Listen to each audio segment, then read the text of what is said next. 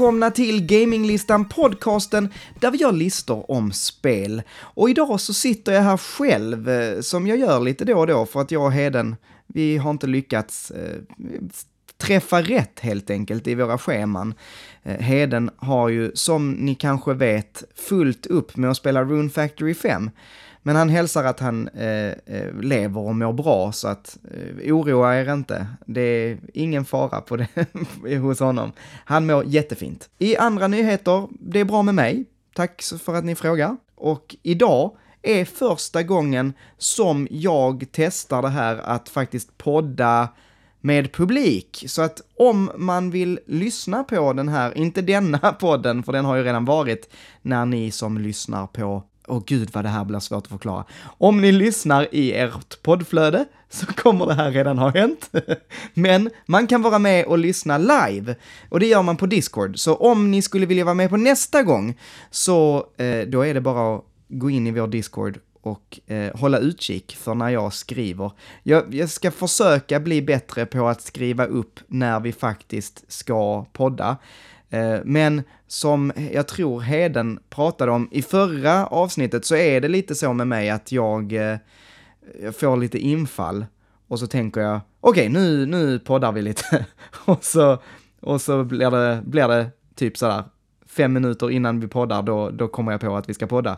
Men men, så att eh, just nu har vi fyra personer här inne. Himla trevligt att ni är här. Jag känner redan att jag inte behöver Heden. Han, han, honom behöver vi inte när, nu när vi har, har er här. Vi kommer prata, precis som vi har gjort senaste gångerna, om Manuels topp 100. För om man inte har lyssnat på de här soloavsnitten tidigare så är det så att när jag är själv så pratar jag om min topp 100-lista som jag gjorde 2018. Och jag har gjort avsnitt om de 20 första spelen. Så att när vi startar nu så är vi på plats nummer 80. Men vi ska väl ha en liten jingel. Nu kommer den! Manuels topp 100 bästa spel i hela världen! Yes, det här är ju absolut en av de absolut bästa grejerna, absolut, absolut, absolut. Det här är en av de absolut bästa grejerna med att göra den här typen av podd, att vi faktiskt får lyssna på den vignetten, för jag, jag är stolt. På plats 80 så har vi faktiskt ett spel som heter Just Cause 3.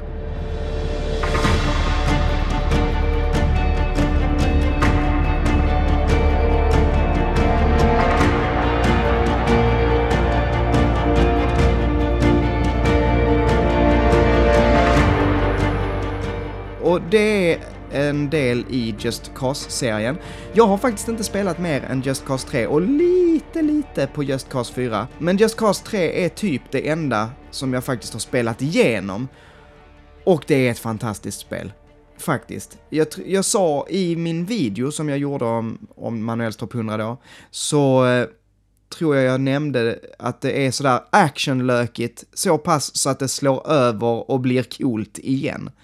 Eh, lite som typ Expandables-filmerna. Och jag håller med, alltså jag tycker fortfarande detta är superroligt att plocka upp och spela lite då och då.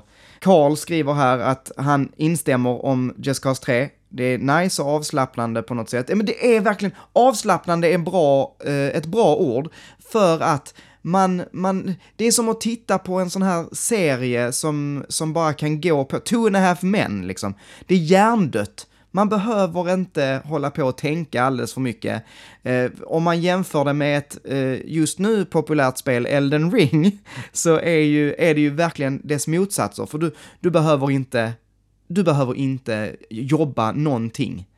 Det är så easy going. Eh, men också coolt. Alltså, de explosionerna i Just Cause 3 är alldeles för stora. De är, de är så stora så det, it doesn't make sense. Men det är också så helt fantastiskt. Och, eller typ att man kan skjuta ner en helikopter med en k-pist är också supergött. Eller att man kan hijacka en helikopter bara genom att hopp, grappla den och sen slänga ut eh, föraren. Fantastiskt. Det är för mycket action, men det är bara helt rätt. Sen har vi det här, när jag gör de här så brukar jag ju prata lite om om den här placeringen är rätt för det här spelet eller inte. Och jag ska säga redan nu, jag har ju kollat igenom den här listan av på 10 spel som, som mellan 80 och 71. Alla de här spelen kan jag tycka ligger för långt ner. Inte riktigt alla, men väldigt många. Och Just Cause 3 tycker jag skulle, borde ha legat längre upp på listan. Code Fizzy eh, säger att han gillar, eh, eller hen gillar Just Cause 3 för det är väldigt fritt och man kan köra på vilket humör man är i. Ja men verkligen så också. Det är öppet, öpp, öppen värld, fritt landskap eh, och fritt i gameplay också. Man kan göra lite precis som man vill. Men ja, plats 80 tycker jag, hade jag gjort listan idag hade jag nog lagt det lite längre, uh, uh, vad säger man? Lite längre ner på listan, alltså på en bättre placering. På plats 79 så har jag Tomb Raider.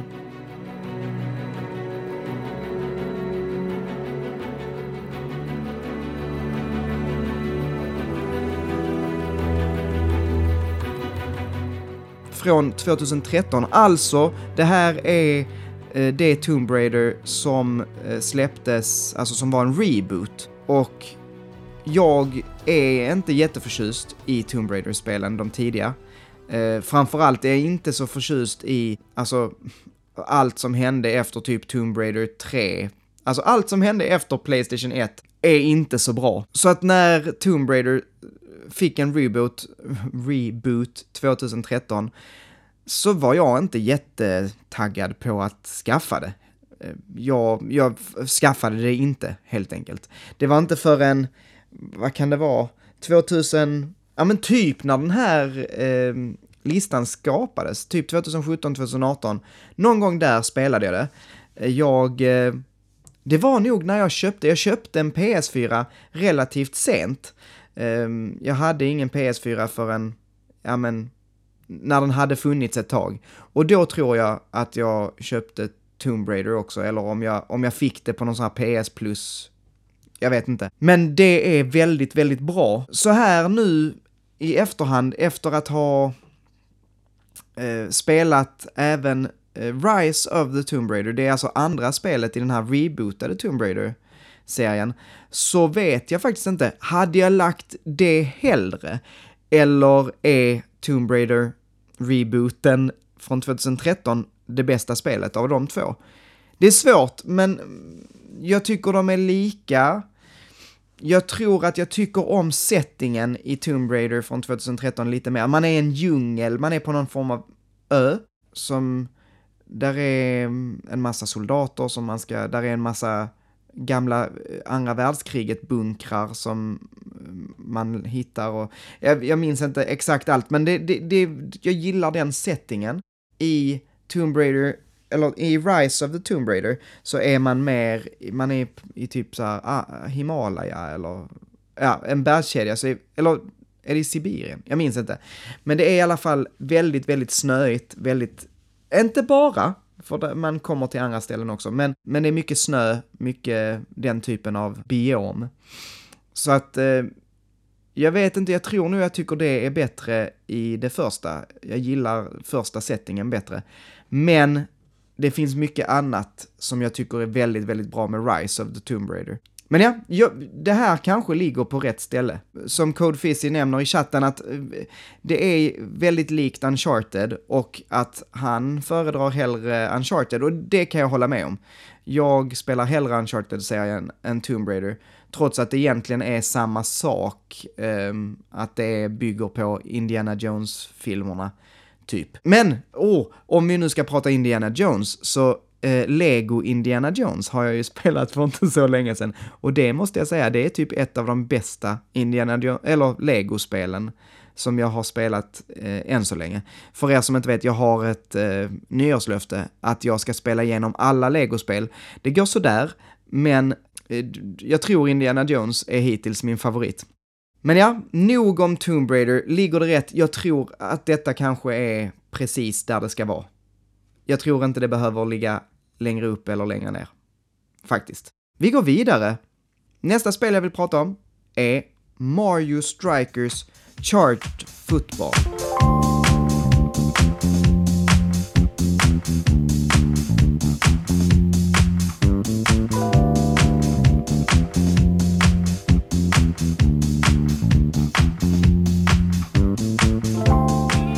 Det här är ett av mina absoluta favoritspel att spela typ på en förfest till exempel med ett gäng vänner.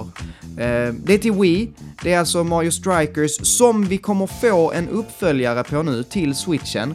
Så att eh, jag, jag, är taggad. Jag ska inte lova att jag kommer att spela det, men jag är taggad. Jag, jag tycker det är roligt. Mario Strikers Charge Football då? Jag gillar det. det man, man spelar tre mot tre. Man har olika typer av spelare. Tänk er så här heavy, medium och light. Alltså heavies är tyngre, tacklar hårdare men är långsammare. Light är snabba men är lättare att tackla bort.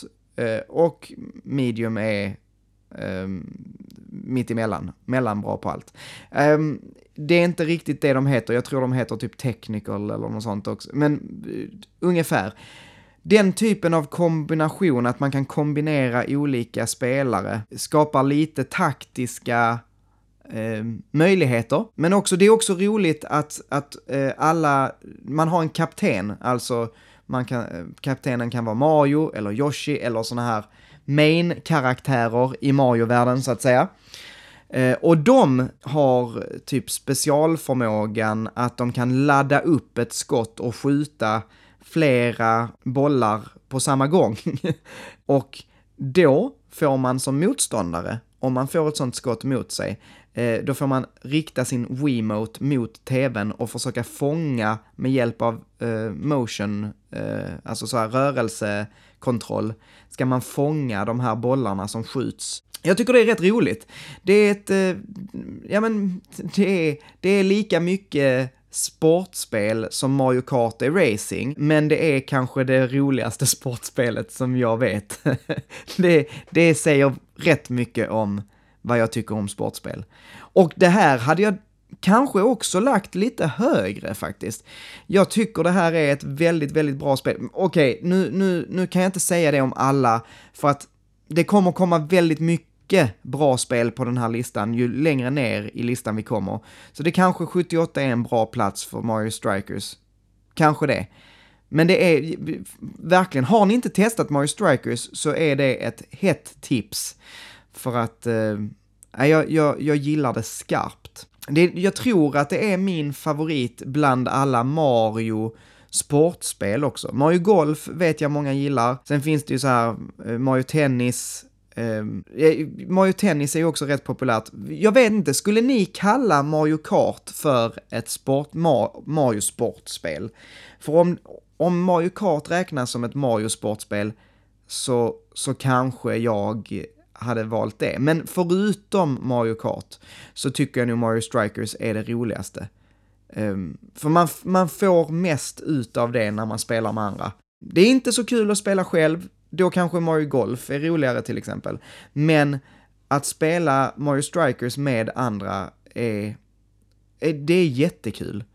Ehm, och och det, är, det är också kanske på grund av att Wii-eran, det var liksom soft-co-opens guldålder. Ehm, nu kanske jag säger någonting som Heden hade rynkat på näsan åt, jag vet inte. Men jag tycker personligen att, eller åtminstone partyspelen, rörelsekontroll är ju lite gimmicky, liksom. Men det funkar väldigt bra tillsammans med andra.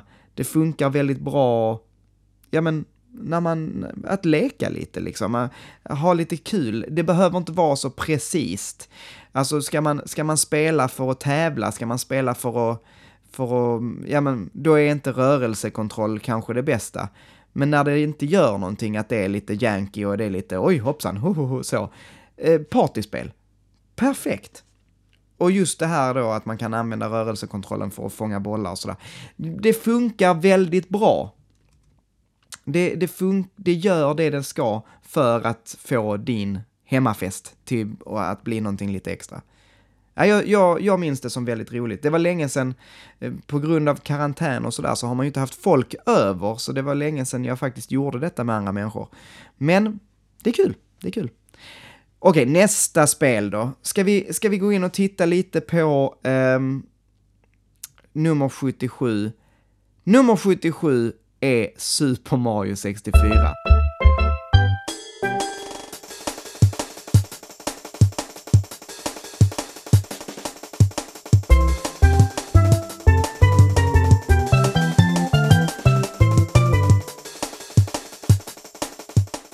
Jag minns det som att jag i den här eh, videon sa att många kanske är väldigt förvånade av att Super Mario 64, som för många är det bästa Mario-spelet någonsin, ligger så pass långt upp i listan. Jag tror inte att ni som lyssnar, jag har väl ändå pratat om Mario 64 väldigt många gånger. Och det är så härligt, det är, vet ni vad? Det är så otroligt skönt att få prata om Super Mario 64 utan att Heden är här och ska försvara det. Det är så, åh, jag hoppas du lyssnar nu Heden och känner hur svetten börjar pärlas. Det är farligt att vara borta vet du. Nu jävlar ska vi såga Super Mario 64. Nej, alltså så här. Det är ju faktiskt med på den här listan och med all rätt. Jag... Man, jag, jag, jag hatar inte Super Mario 64. Jag tycker inte heller det är ett dåligt spel. Jag tycker att det inte har åldrats väl. Och det har jag uttryckt mer än en gång, tror jag. Men det är, det är värt sin plats på den här listan. För, för att det la grunden för alla kommande 3D Mario och alla kommande 3D-spel egentligen, 3D-plattformar. Nu får jag höra här för övrigt att jag är live på förskola med nio barn i ålder 2 till 4 år. Hej alla barn! Hoppas ni har det bra! Och tacka Marcus så mycket för att ni får lyssna på det här. Vad roligt att ni är med också. Okej, okay. över till Mario 64 och varför jag tycker eh, det är värt sin position. Det här är ju ett spel som jag faktiskt tycker kanske skulle få åka upp lite till. Jag vet inte, det finns väldigt många bra spel och jag vet inte om jag tycker att Mario 64 är så bra som en 77 plats. Det kanske är lite hemskt att säga. Det är ju framförallt eh, att det är, det är, det är ju ett väldigt tidigt 3D-plattformsspel. Och det känns, vi har efter detta spelat väldigt många mycket, mycket, mycket bättre spel. Det måste ni väl hålla med om. Men, med det sagt, det är på den här listan och jag kommer inte säga något annat än att det, det är bra. Kan jag säga något mer som, som liksom kan lyfta det här spelet lite? Det finns ett väldigt bra soundtrack till det här spelet. Jag gillar det. Jag gillar det. Jag tycker också om, jag tycker också om bandesignen egentligen. Alltså, det finns väldigt många banor här som är väldigt smarta. Jag tror vi har pratat om det, jag och Heden till exempel, om den här klockbanan.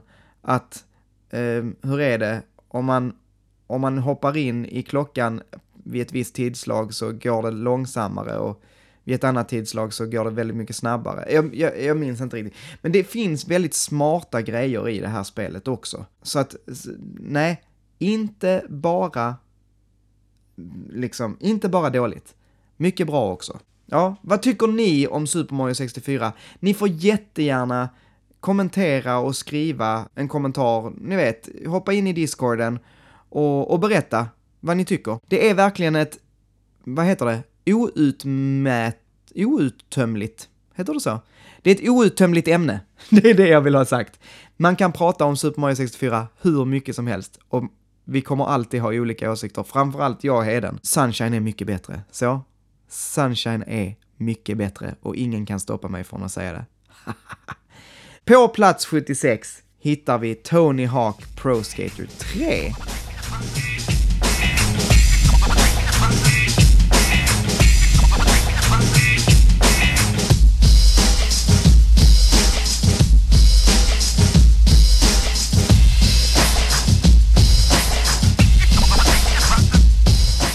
Tony Hawk Pro Skater 3 alltså, och varför inte tvåan då? Ja, alltså, när jag skrev den här listan så var det faktiskt så att jag skrev in att jag har spelat tvåan och jag har, jag ägde båda spelen som liten, men jag spelade trean mer. Och jag, jag tror, jag, jag liksom går inte på djupet i min video om varför jag spelade trean mer, men jag tror det handlar om att jag tyckte mer om låtarna som fanns i trean jag har för mig att jag tyckte det var bättre musik i Tony Hawk Pro Skate 3. Men det är, det är, det är fantastiska, båda de spelen är skitbra. Det känns ju som att Tony Hawk Pro Skater 2 och 3, det är typ samma spel. Jag kan inte minnas att det är särskilt stora förändringar i gameplay till exempel. Ja, Code Fizzy säger här att han tycker Skate 3 är det bästa skatespelet och jag vet faktiskt inte, jag har aldrig spelat skatespelen. Men eh, Alltså, när, jag, när man var liten, eller när jag var liten, så var ju Tony Hawk, alltså det var så formgivande. Jag tror det är jättemånga i min generation som har provat på eller som liksom började skata på grund av de här spelen. Skitmånga som började lyssna på hiphop och skatepunk och allt däremellan som fanns på de här soundtracken på grund av de här spelen. Det är väldigt, väldigt tonsättande spel. Jag, när jag var 14, provade att skata eh, det gick sådär. Jag lärde mig att droppa från ramp, men att eh, jag, jag, typ klarade nästan aldrig att göra nolly. Eh, jag klarade typ det, men det var eh, alltså knappt, knappt. Eh, men jag klarade av att droppa från en ramp efter att jag hade typ slagit mig fördärvad Eh, 50-11 gånger. Och det var nog till stor del på grund av Tony Hawk Pro Skater. Ja, nej, det, det, finns mycket att säga. Jag, fan, jag älskar de här soundtracken också. Det är någonting jag verkligen kan lyssna på. Jag har inte spelat eh, remastern eller remaken av de här spelen. Eh, det har jag inte gjort. De blev ju, de blev ju jätteväl mottagna. Det, det, det är ju himla kul att man faktiskt gjorde en remake som är bra. som, som, som faktiskt funkar, som håller. Ja, och vad gäller placeringen då? Det här fick alltså en plats 76 på min topp 100-lista. Jag tror att jag hade lagt Tony Hawk högre, just på grund av det jag har sagt. Att, att det satte, det la ändå, det, det var så tonsättande. Eh, jag tycker det hade kunnat förtjäna en, en högre placering.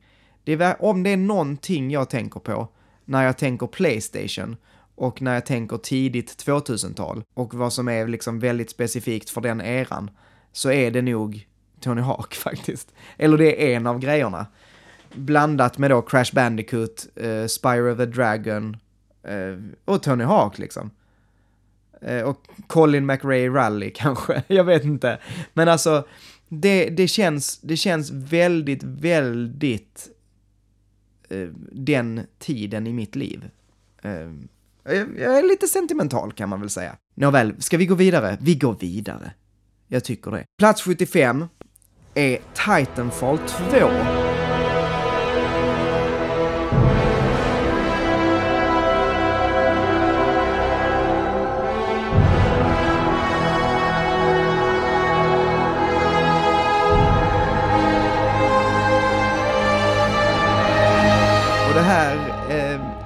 Är en liten raritet på den här listan för att det finns väldigt få FPSer på min topp 100.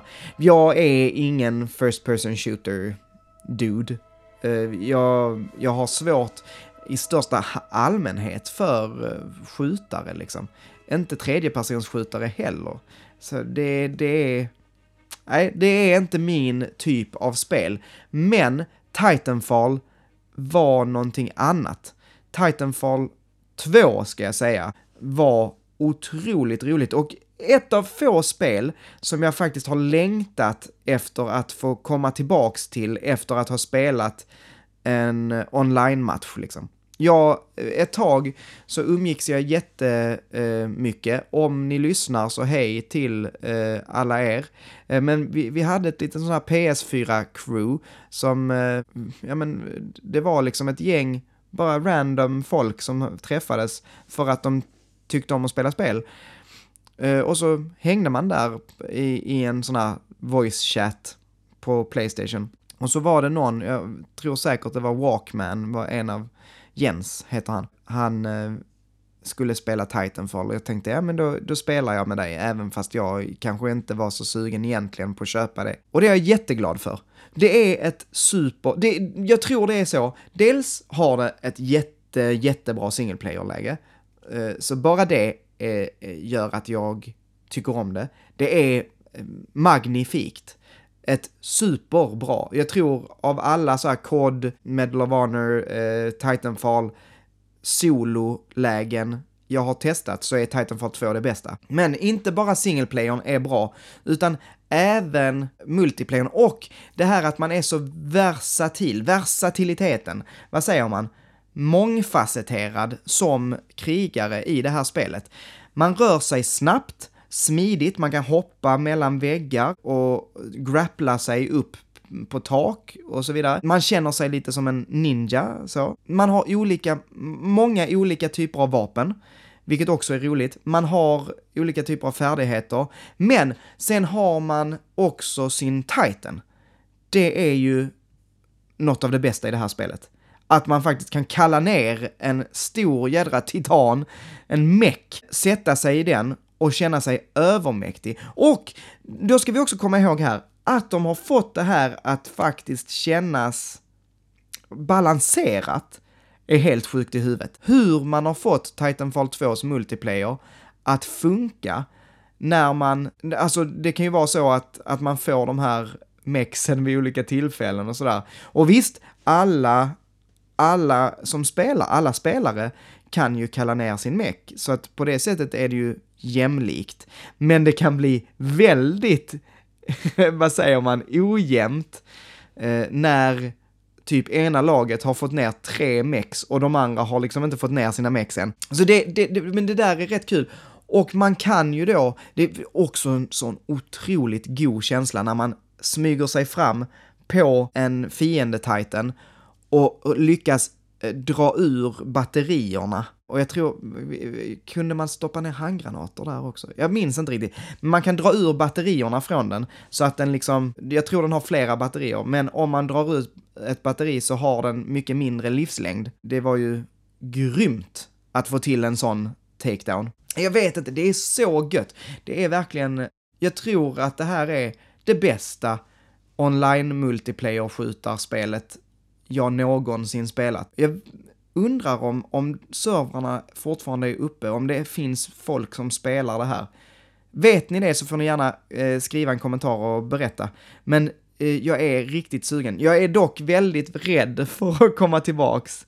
För att jag hade ju varit värdelös och folk som spelar så här gamla spel fortfarande är ju bara folk som är snorbra. Så man hade ju inte haft jättemycket till chans. Men det hade varit kul att testa i alla fall. Det är, ja, det är ett jättebra spel. Det är ett väldigt, väldigt bra spel. Okej, okay, placeringsmässigt då. Ja, okej, okay, Gnorp skriver i chatten att Titanfall 2 fanns i alla fall i höstas.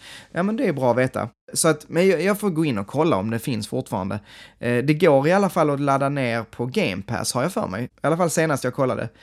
Så att, eh, ja. Men placering då? Det är ju alldeles för bra för att ligga på plats 75. I alla fall med tanke på vad som ligger nu på 74, 73, 72, 71. Alltså det här är, det här är minst 20 placeringar fel. Alltså, jag hade sagt att Titanfall 2 ligger på en topp 50. Alltså 25 placeringar fel. Ja, definitivt. Det, det är ett underskattat spel. Det är också sorgligt, det här kan vi ju gå igenom också eh, lite snabbt, för nu, vadå lite snabbt, vi har all tid i världen, men Titanfall 2 Eh, släpptes ju, det lanserades väldigt, väldigt märkligt. Det släpptes ju typ mellan två spel, eh, minns jag det som, och jag minns inte vilka spel det var. Men det är ju, alltså EA gjorde ju ingenting för att få Titanfalls lansering att bli bra, utan släppte det bara så, ja, och här kommer det här också. Så redan i starten så hade det ett, en väldigt, väldigt dålig ja, det hade en dålig start helt enkelt. Jag tror att det är en sån där spelpärla som många kanske har förbisett, många har missat, men som är riktigt bra. Jätte, jättevärd att kolla in faktiskt. Om inget annat bara för att spela sololäget, för det är, det är skitbra. Ja, nu har vi kommit fram till plats 74 och mina vänner, plats 74 är Dark Souls.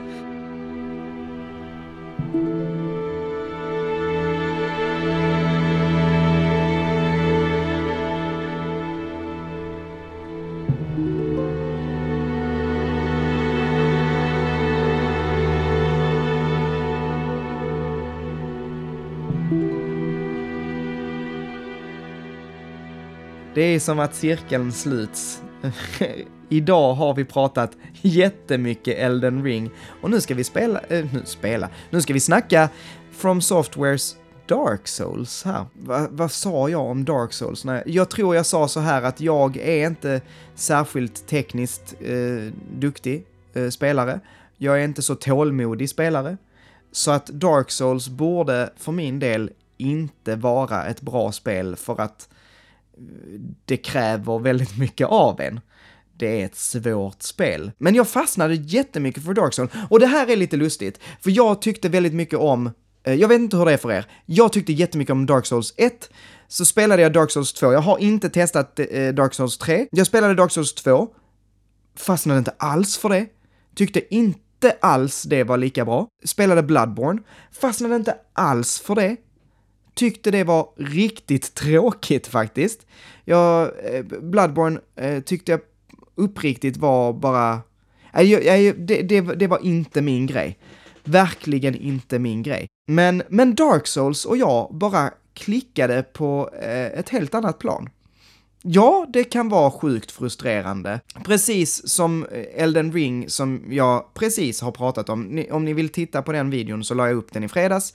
Eh, gå och kolla. Men ja, det kan vara sjukt frustrerande att dö gång på gång på gång på samma fiende. Och Dark Souls är ju väldigt mycket mer enkelspårigt, att du måste ta dig förbi här på något sätt. Du måste klara den här vägen. Men, men det finns någonting där. Det är, det är en väldigt spännande värld att utforska på samma sätt som Elden Ring, fast inte lika mycket. Eh, Elden Ring gör det ju mycket bättre, det här med världen och, och med mystiken. Eh, så. Men, men på precis samma sätt eh, funkar ju Dark Souls också. Man blir sugen på att fortsätta. Man, och jag måste bara komma förbi. Om jag ändå bara kan komma förbi den här enstaka skelettet som kastar en flaska med eld på en. Bara, bara jag kommer förbi den så, så, vill jag, så kommer jag se någonting helt nytt och jättespännande. Om jag bara tar mig förbi den här sovande draken, ja då kommer jag klara av, då kommer jag se någonting nytt. Man visste hela tiden att det fanns någonting nytt som väntade på en och då var det värt att eh, tugga sig igenom. Jag har dock fortfarande inte klarat det här spelet och 2018 när jag gjorde videon, då sa jag att jag skulle klara spelet någon gång och det kan jag väl säga idag också att någon gång, någon gång ska jag spela det och klara det. Jag har ju faktiskt, eh, jag har ju faktiskt köpt det på två ställen nu. Jag har spelat det på Xbox 360, men jag har också köpt det till switchen. Och jag tycker det funkar jättebra. Det är en superbra port. Eh, så om ni inte har testat Dark Souls och har en switch. Så, eller om ni vill spela det igen, spela det på switchen för att nej, det funkar svinbra. Handhållet är det ju lite litet ibland, ni vet, alltså text och så blir ju lite fjuttigt, som det kan bli. Men, eh, men alltså, det ser snyggt ut, flyter på jättesnyggt. Så att ja, eh, ett tips.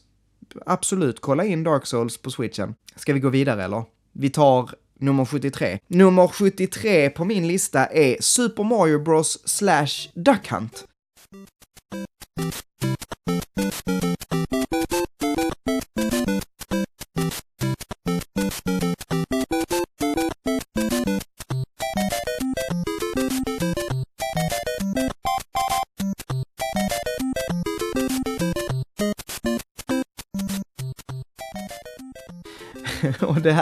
Det här, var en, en sån här fuskplacering eh, som ni vet att jag är rätt känd för. Eh, för jag tycker om att fuska lite då och då. Och ja, det är två spel. Det här är två spel, men de, det var så jag spelade dem. Jag och min syster Isabelle, som eh, eh, lyssnar just nu, vi brukade spela eh, Super Mario Bros eh, då och då. Eh, och även Duck Hunt, men då kunde det till och med vara så att liksom fler i familjen var med. Mamma och pappa kunde vara med. Jag minns till och med att mormor och morfar eh, var över hos oss och spelade Duck Hunt. För, ja, men det, var, det var lätt att förstå. Man har en pistol, man ska skjuta mot tvn, det säger och så eh, dör en anka, eller så kommer det upp en eh, rättsam hund och skrattar.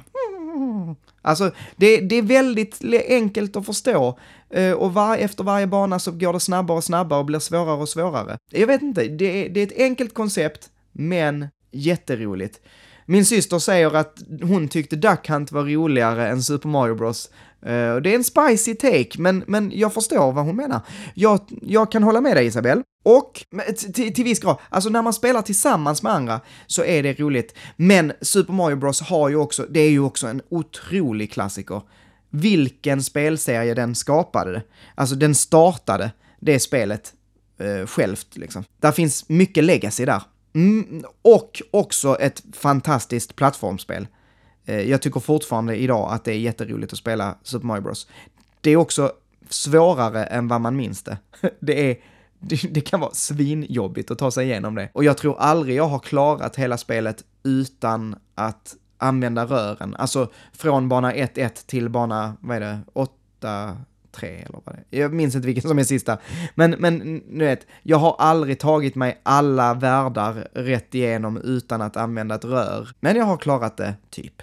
Med lite fusk. Men ja, det här är också en sån där placering som jag tycker kanske ligger lite för långt ner. Ö, upp. Ja, den, den, den är för dåligt placerad. Det är kanske så jag ska eh, använda, de begreppen jag ska använda. Den är för dåligt placerad. Den skulle placeras bättre till på den här listan. Sen är det, det är kanske inte en topp 50, men i alla fall i nästa tia hade det fått kunna vara med. Definitivt. Jag gillar det. Jag gillar, jag gillar det otroligt mycket. Så att det kanske till och med hade fått vara med på, ja, mellan 60 och 50 någonstans. Skitsamma, nu eh, petitesser, men ett bra spel. Vi går vidare till plats 72. Plats 72 är XCOM Enemy Unknown.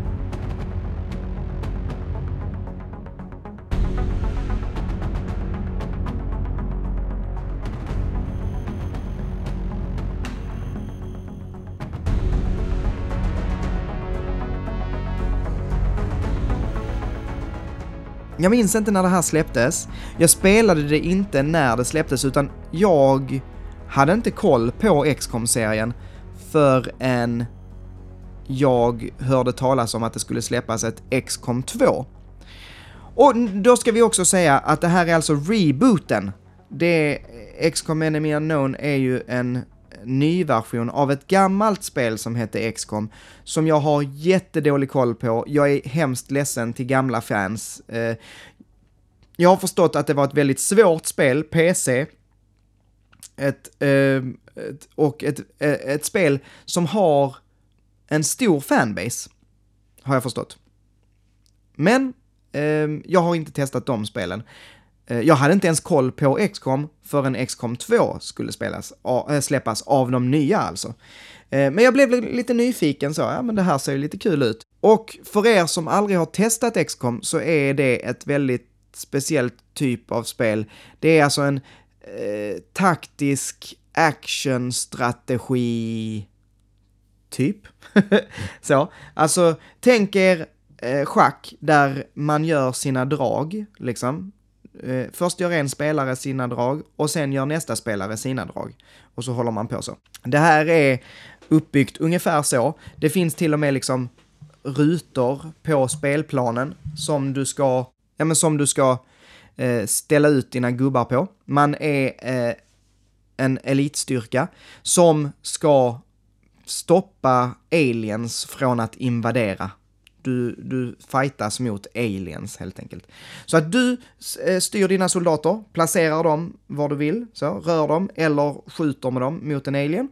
Och när du har gjort alla dina drag så är det motspelarens tur. Så det är väldigt taktiskt. Det kan vara lite frustrerande för att allting är uppbyggt på procent, så att du har en procentuell chans att träffa. Med vissa, eh, till exempel har du ett shotgun så måste du stå närmre för att träffa. Eh, står du långt bort med ett shotgun så har du procentuellt sämre chans att träffa. Står din alien du ska skjuta på bakom ett skydd så har du procentuellt chans mindre chans att träffa och så vidare.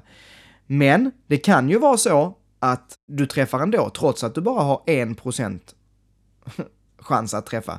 För att på 1% så kan man faktiskt träffa en gång av 100. Och samma sak att du kan missa trots att du har 90% chans att träffa. Och det kan kännas lite surt, det kan man bli lite så frustrerad på. Men jag tycker ändå, det, jag, jag vet inte, det stör inte mig jättemycket. Och jag tycker jättemycket om den här typen av spel. XCOM är något av det roligaste jag vet. Och att det här spelet ligger på plats 72 är också helt sjukt. XCOM Enemy Unknown släpptes 2012. Tack Isabelle. Men ja, ett otroligt bra spel. Jag gillar också storyn som man får, som man får berättad för sig. Jag tycker om, jag tycker om att om du förlorar dina spelare, du kan döpa dina, dina militärer och så till egna namn, ge dem egna namn. Så jag brukade göra så att jag döpte dem till Manuel, Isabelle, Anton, mina eh, släktingar, vänner och jag. Så. Och om då Manuel dog, så var han borta. Då dör han i den genomspelningen. Såklart kan du saveskamma och liksom eh, gå tillbaks. Men det roligaste var ju att faktiskt köra hårt på det där, att att, ja um, okej, okay, nu dog den personen. Och då, då, blev det liksom som en egen, e, ett eget narrativ där att, åh, min kusin dog. Sådär. Eh, och det kändes väldigt mycket mer när någon eh, gick bort, liksom. Eh, och, vilket gjorde att man ville eh, sköta sig när man väl spelade. Man eh, gick inte bara ut och eh, bara, eh, rushade allting, utan, utan man, man ville vara taktisk och, och smart. Det här spelet ska definitivt ha en bättre placering, men vilken eh, placering det skulle ha, det vet jag faktiskt inte. Sista spelet för den här vändan, plats 71, där hittar vi Dead Space.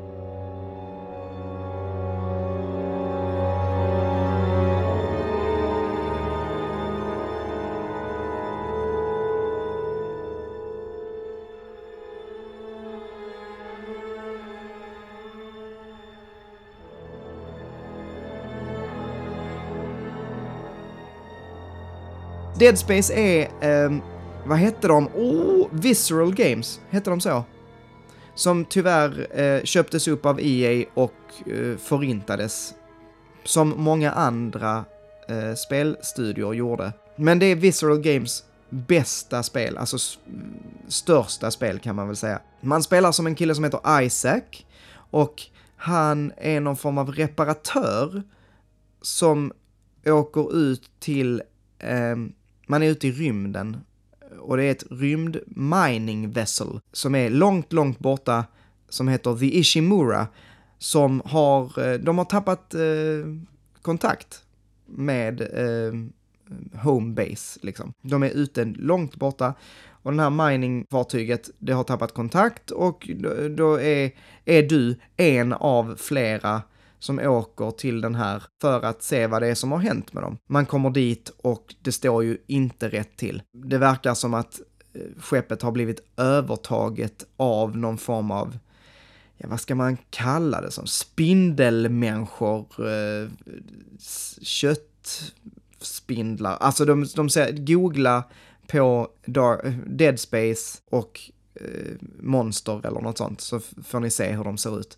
De, är, de har väldigt långa, seniga armar och det man gör det är att man har en form av laserspikpistol. Eh, det är väl ditt eh, multitool eller något sånt kallas det tror jag. Och det använder du för att kapa av lemmar. Det är liksom, det är det, det, är det man gör i det här spelet. Den, Eh, och du kan rikta, vinkla den här raden av spikar Inspirerat av The Thing, frågar Gnorp här om de är. Eh, det är inte helt omöjligt faktiskt. De ser, men de är väldigt obehagliga i alla fall. Eh, men ja, du har den här spiklaserpistolen som kapar lemmar Och kapar du en lem, då, då gör du extra skada eller du, du du skadar ju den här eh, monstret mer. Och skjuter du bara mitt på bröstet så, så brukar det oftast ta lite längre tid för dem att dö. Så man, man lär sig rätt snabbt att på det sättet kan du konservera ammo och ja, men, du, du blir effektivare om du liksom skjuter mot lemmarna i det här spelet. Det är väldigt läskigt. Det här är också, det här är också ett sånt där spel som är lite udda på den här eh, listan, för att jag är inte någon skräckspelsspelare. Det är verkligen inte min grej. Men, men ändå så tycker jag väldigt mycket om Dead Space. För att det är så pass bra.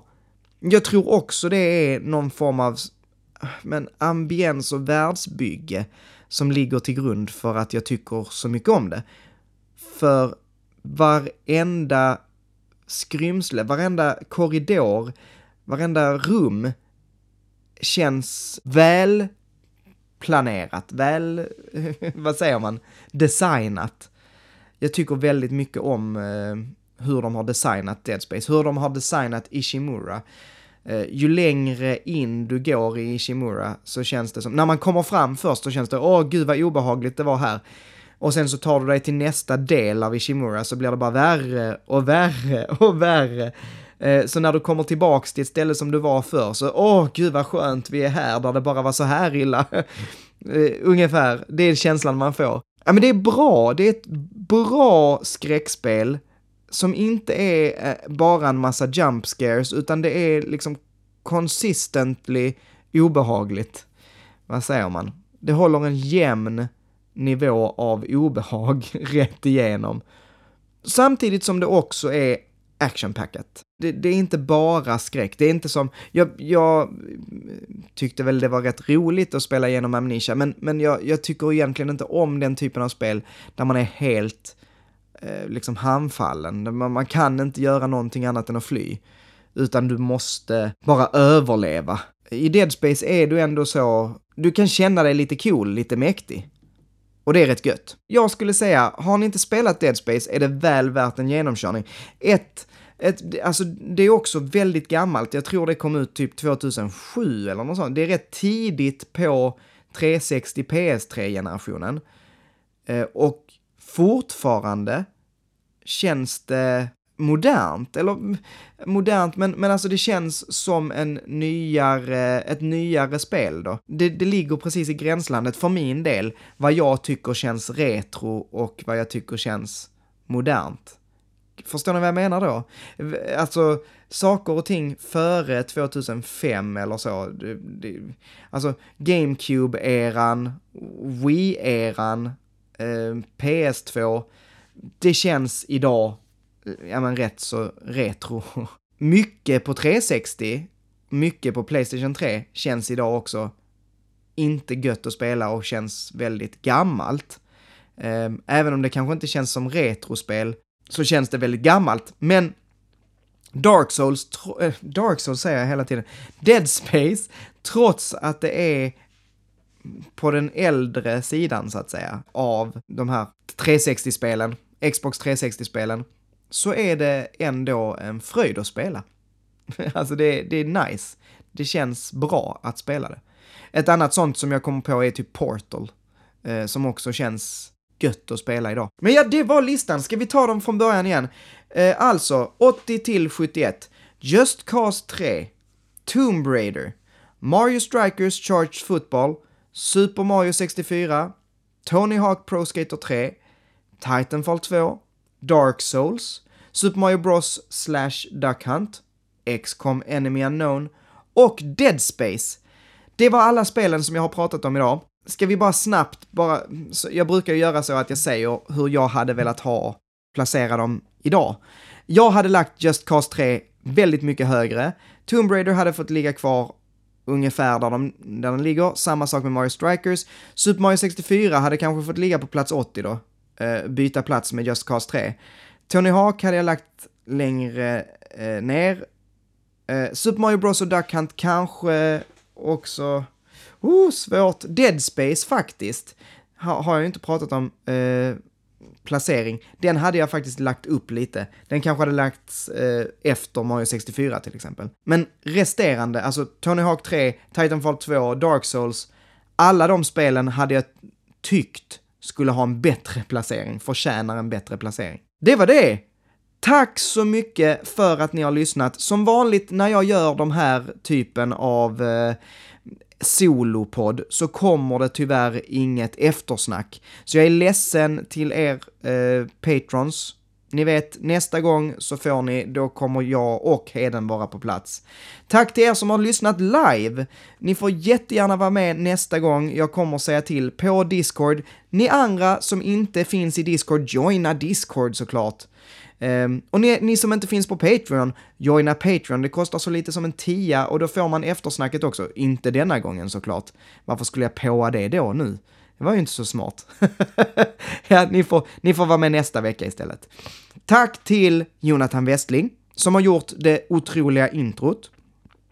Tack till Ultrafail som har gjort de väldigt snygga bilderna på vår logga. Tusen tack till er. Och tusen tack för att ni har lyssnat. Vi ses nästa gång. Ha det gott!